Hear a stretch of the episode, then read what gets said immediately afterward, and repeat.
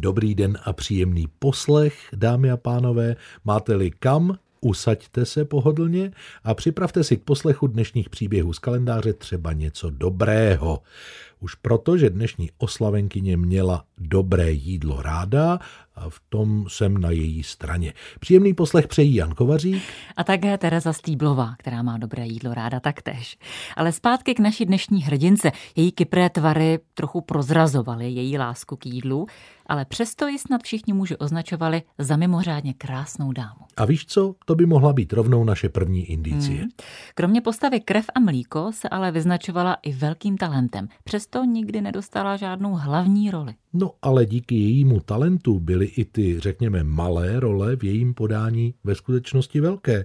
A to může být naše druhá nápověda. A co dáme do třetice?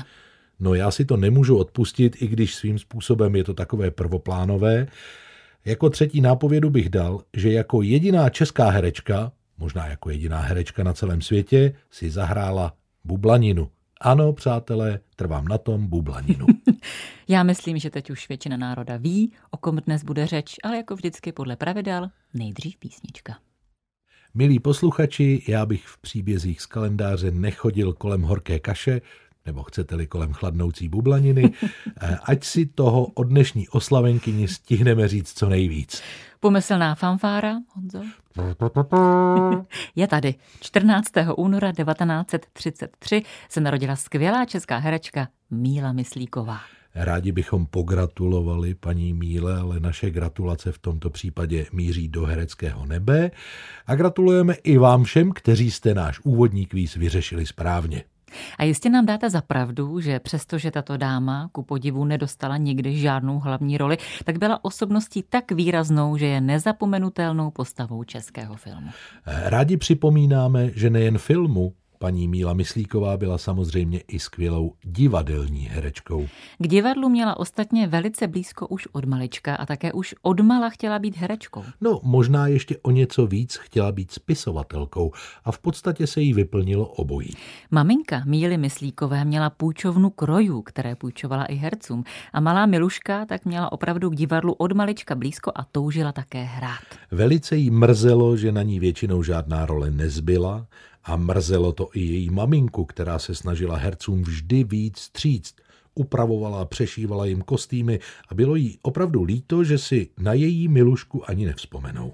Když se pak Míla rozhodla, že chce být herečkou a půjde studovat na akademii, její rodiče byli ale zásadně proti tomu ale protože skvěle psala, napadlo ji, že by mohla jít na dramaturgii. To bylo pro maminku přece jen přijatelnější a s dceřinou volbou nakonec souhlasila. Při přijímacích zkouškách ovšem komise položila Míle zákeřnou otázku. Co to vlastně ten dramaturg je? Míla odpověděla, co si o tom myslí, a když komise s odpovědí nebyla moc spokojená, vyhrkla, No to mě snad tady naučíte vy, ne? No a komise to vzala jako vynikající hereckou etídu a Míla byla přijatá do prvního ročníku herectví. Na dvojce posloucháte příběhy z kalendáře. V našem předchozím vyprávění jsme s Mílou Myslíkovou nastoupili na vysněnou Janáčkovu akademii. Její talent byl nepřehlédnutelný a ještě v posledním ročníku studia, když jí bylo 21 let, získala svou první roli ve filmu. Po boku takových hvězd, jakými byly Vlasta Burian, Jiřina Šejbalová nebo Josef Kemr, si zahrála ve filmu Nejlepší člověk, který se natáčel v malebných kulisách jeho českých prachatic. Hned po studiích získala Míla Myslíková angažmá v divadle a tam se zakoukala do vynikajícího talentovaného herce Štěpána Zemánka. A protože ani on jejím půvabům neodolal, brzy byla, řekněme, ruka v rukávě. Manželství ale nebylo moc šťastné a to především proto, že se Zemánek rád napil. Paní Míla Myslíková o této životní etapě nemluvila ráda a proto mnoho informací z tohoto období nemáme. Co ale víme je, že Zemánek na svou ženu žárlil. Manželství probíhalo tak říkajíc po italsku a dokonce došlo i na fyzické napadení.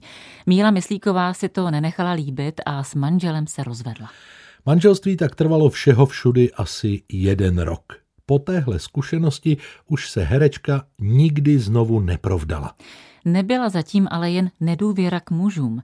Míla bohužel nemohla mít děti, což bylo patrně následkem manželova napadení. Obávala se toho, že i kdyby její případný nový manžel věděl, jak na tom je, mohla by mu tato skutečnost jednou začít vadit, ačkoliv by to třeba zpočátku nepřiznal. A tak se raději rozhodla, že už se nikdy nevdá. Bohužel právě jedné z našich nejlepších představitelek typických maminek osud vlastního potomka nedopřál. Po nevydařeném manželství měla Míla ještě jeden vážný vztah, ale i ten po čase skončil. Popravdě herečka byla natolik vytížena prací v divadle a u filmu, že na vztahy vlastně neměla mnoho času. V dnešních příbězích z kalendáře na dvojce už jsme zmínili, že Míla Myslíková, naše dnešní hrdinka, patřila k herečkám, které byly svou vizáží přímo předurčené hrát typické české maminky. Přestože sama děti neměla, a nebo možná právě proto, její maminkovské role byly naprosto vynikající. Připomněl bych třeba její roli v dnes možná trochu pozapomenutém filmu Metráček. Tenhle film natočil v roce 1971 režisér Josef Pinkava na motivy knihy známého českého spisovatele Stanislava Rudolfa. Míla Myslíková v tom filmu jako maminka hlavní hrdinky doslova exceluje. Jejím partnerem ve filmu Manželem nebyl nikdo menší než Lubomír Lipský a když na scénu přišla ještě Helena Růžičková, co by filmová sestra Míly Myslíkové, byl to skutečný herecký koncert. Vítězslav Jandák, který ve filmu hrál jednu z postav, vzpomínal, jak jel s paní Myslíkovou vlakem na natáčení. Paní Míla mu prý cestou dlouze vykládala, co má člověk dělat, aby si udržel štíhlost – a když pak přišla obsluha a nabízela párky, paní Míla si dala hned tři porce, rozumějte šest kousků, ovšem bez přílohy, no pochopitelně po chlebu se přece tloustne. Nezapomenutelnou maminku si zahrála i o několik let později, a to v básnické sérii Dušana Kleina. Mimochodem první díl celé série, ten z roku 1982, málem komunisté vůbec nepustili do kin. Bohužel nejenom Míla Myslíková, ale mnoho dalších skvělých herců, kteří v něm hráli, už nejsou mezi námi. Když se měl natáčet poslední díl série, režisér se chtěl takzvaně odpíchnout od situace, kdy maminka Šafránková v podání Míly Myslíkové zemře. Dal si proto s paní Myslíkovou schůzku, aby jí to nějak taktně vysvětlil. Ta dorazila a ještě než začal mluvit, řekla, že v dalším dílu hrát nechce, protože se na to už necítí a že by bylo nejlepší, kdyby ji nechali umřít. Pochopitelně ve filmu.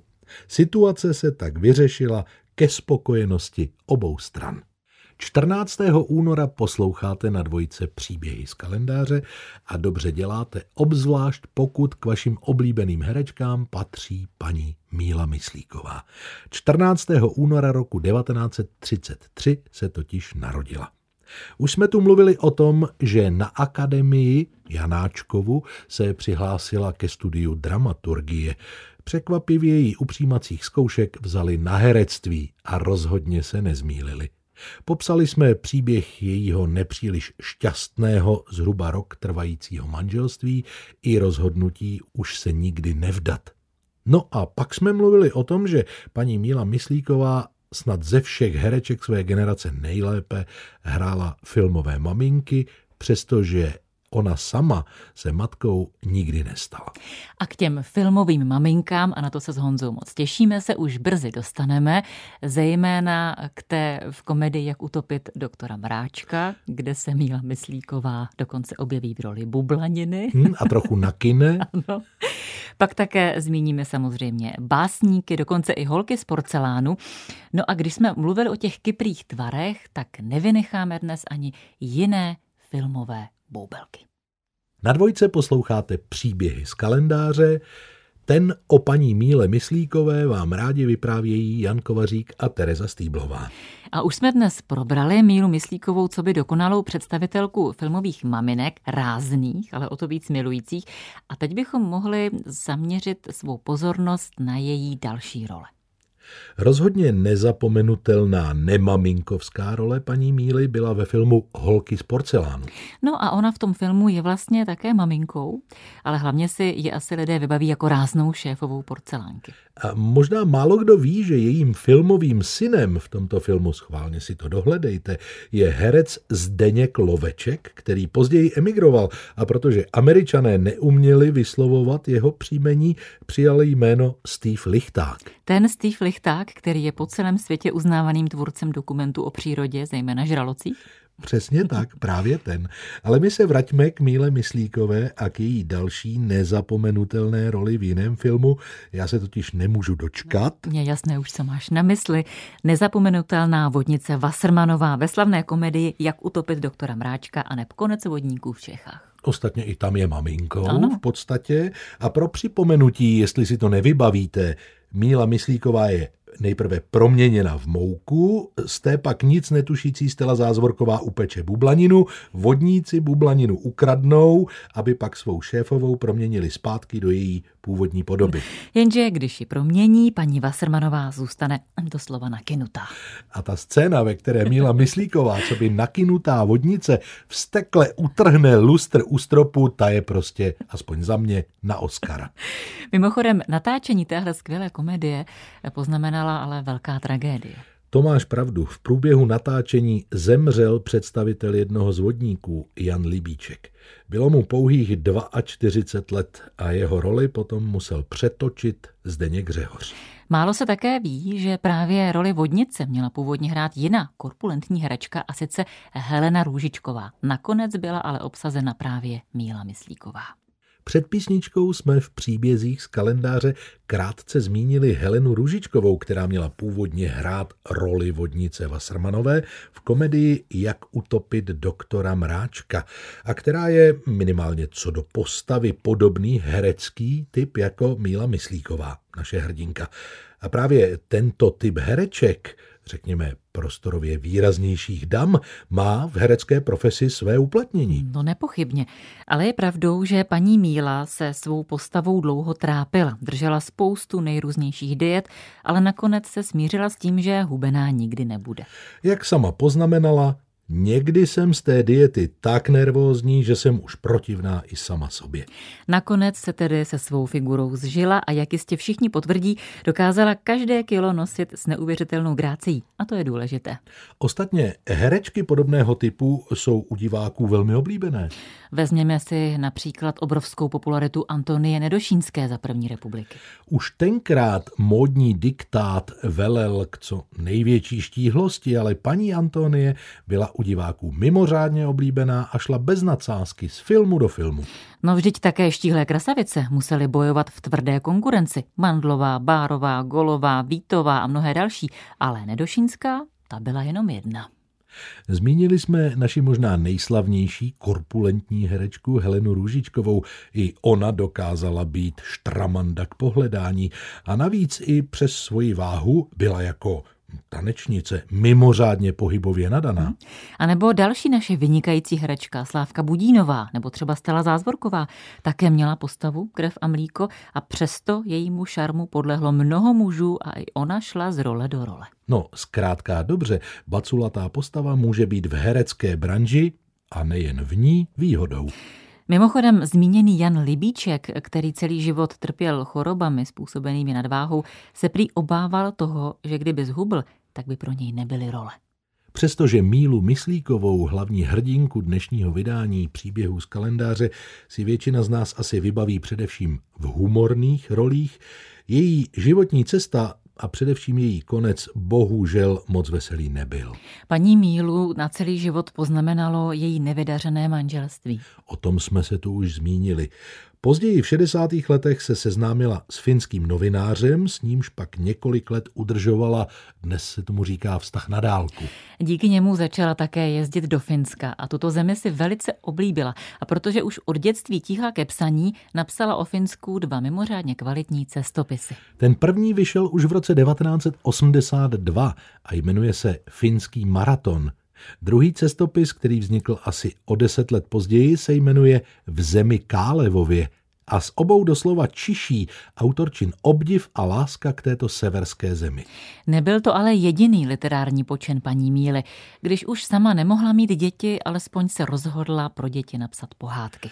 A nutno říct, že se jí skvěle povedly. V 90. letech vydala dvě pohádkové knihy. Lásko, bože lásko a ta naše písnička česká. V roce 2002 pak vyšla ještě třetí s názvem V dobrém jsme se sešli.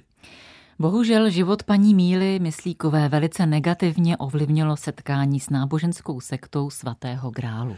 Dostala se k ní nešťastnou náhodou v nemocnici, kde ležela. Pacientka vedle ní byla členkou sekty, začala paní Míle o této skupině povídat a ta jí bohužel podlehla. Postupně začala paní Myslíková odmítat pracovní nabídky a stranit se společnosti. Mnohdy dokonce nechtěla ani vít na ulici. Nakonec po mnoha letech sice nátlak sekty začala přece jen vnímat negativně, přesto se jejím členům podařilo důvěřivou paní Mílu připravit o peníze. Na sklonku života žila v osamění ve svém bytě na Pankráci pouze ve společnosti jezevčice Betinky. Onemocněla Parkinsonovou chorobou a nakonec po mrtvici zemřela v roce 2005, pouhé tři dny před 72. narozeninami. Naše dnešní povídání v příbězích z kalendáře o skvělé české hračce Míle Myslíkové je bohužel u konce. Pevně doufám, že jste po něm dostali chuť podívat se na nějaký film, v němž paní Míla zářila, ať už jako rázná vodnice Vasarmanová, nebo jako temperamentní šéfová v holkách z porcelánu, a nebo třeba jako milující maminka Šafránková ve filmové sérii o básnících. V každém z těchto filmů exceluje a přestože její role není hlavní, dokázala svým talentem vytvořit jednu z nejvíce zapamatovatelných postav. Stejně jako v mém milovaném filmu, tedy v Rozmarném létě, kde po boku špičkových herců Rudolfa Hrušínského, Františka Řeháka a Vlastimila Brodského nezáří o nic méně než tyto hvězdy. Škoda, že osobní život paní Míly nebyl alespoň o něco veselější. Každopádně budete-li mít někdy cestu do Jihlavy, můžete se cestou zastavit a zavzpomínat na ní na hřbitově svaté Barbory v Polné, kde je tato talentovaná herečka pochována. Takové byly dnešní příběhy z kalendáře. Když otočíme list, uvidíme datum 15. února. Co pak je v plánu? No já bych se Honzo trošku protáhla, když tady vždycky sedíme u příběhu z kalendáře celou Sport. hodinku. Stačí procházka. Mhm.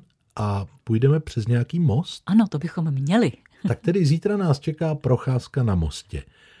A talentovaní znalci naší historie už vědí, o kom budeme mluvit. My se moc těšíme a přejeme vám hezký zbytek dne. Naslyšenou.